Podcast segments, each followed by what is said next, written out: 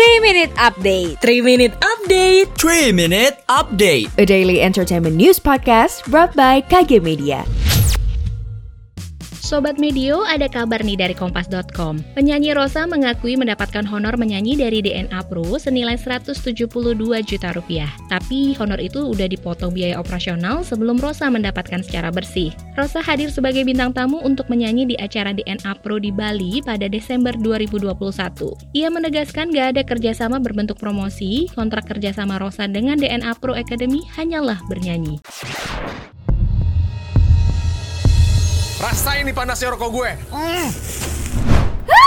Pembajakan! Pembajakan! Mm, lepas! Lepas! Diam! Dengarkan podcast Tinggal Nama setiap hari Selasa dan Kamis. Persembahan Video Podcast Network by KG Media hanya di Spotify. Saat semuanya sudah terlambat. Selanjutnya ada kabar dari grid.id. Hari Selasa 26 April, Sai mengumumkan kalau dia bakalan comeback dengan merilis lagu berjudul That That yang diproduseri oleh Suga BTS. Menariknya, Suga BTS rupanya ngaku sempat gugup saat diminta untuk memproduksi lagu baru Sai tersebut. Tapi dalam prosesnya dia malah ngerasa senang. Suga bilang kalau selama bekerja dengan Sai, rasanya seperti bekerja dengan teman masa kecil. Ditunggu ya Suga lagu barunya.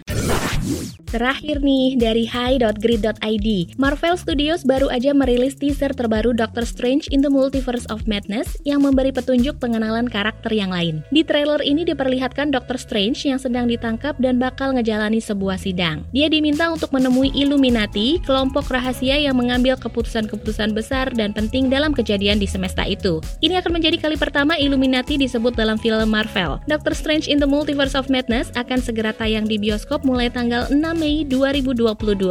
Wah, kira-kira kamu mau ajak nonton siapa nih? Demikian 3 Minute Update hari ini, saya Amalia Rizky pamit. Jangan lupa dengarkan update terbaru lainnya. Sekian update malam ini. Sampai ketemu di 3 Minute Update selanjutnya.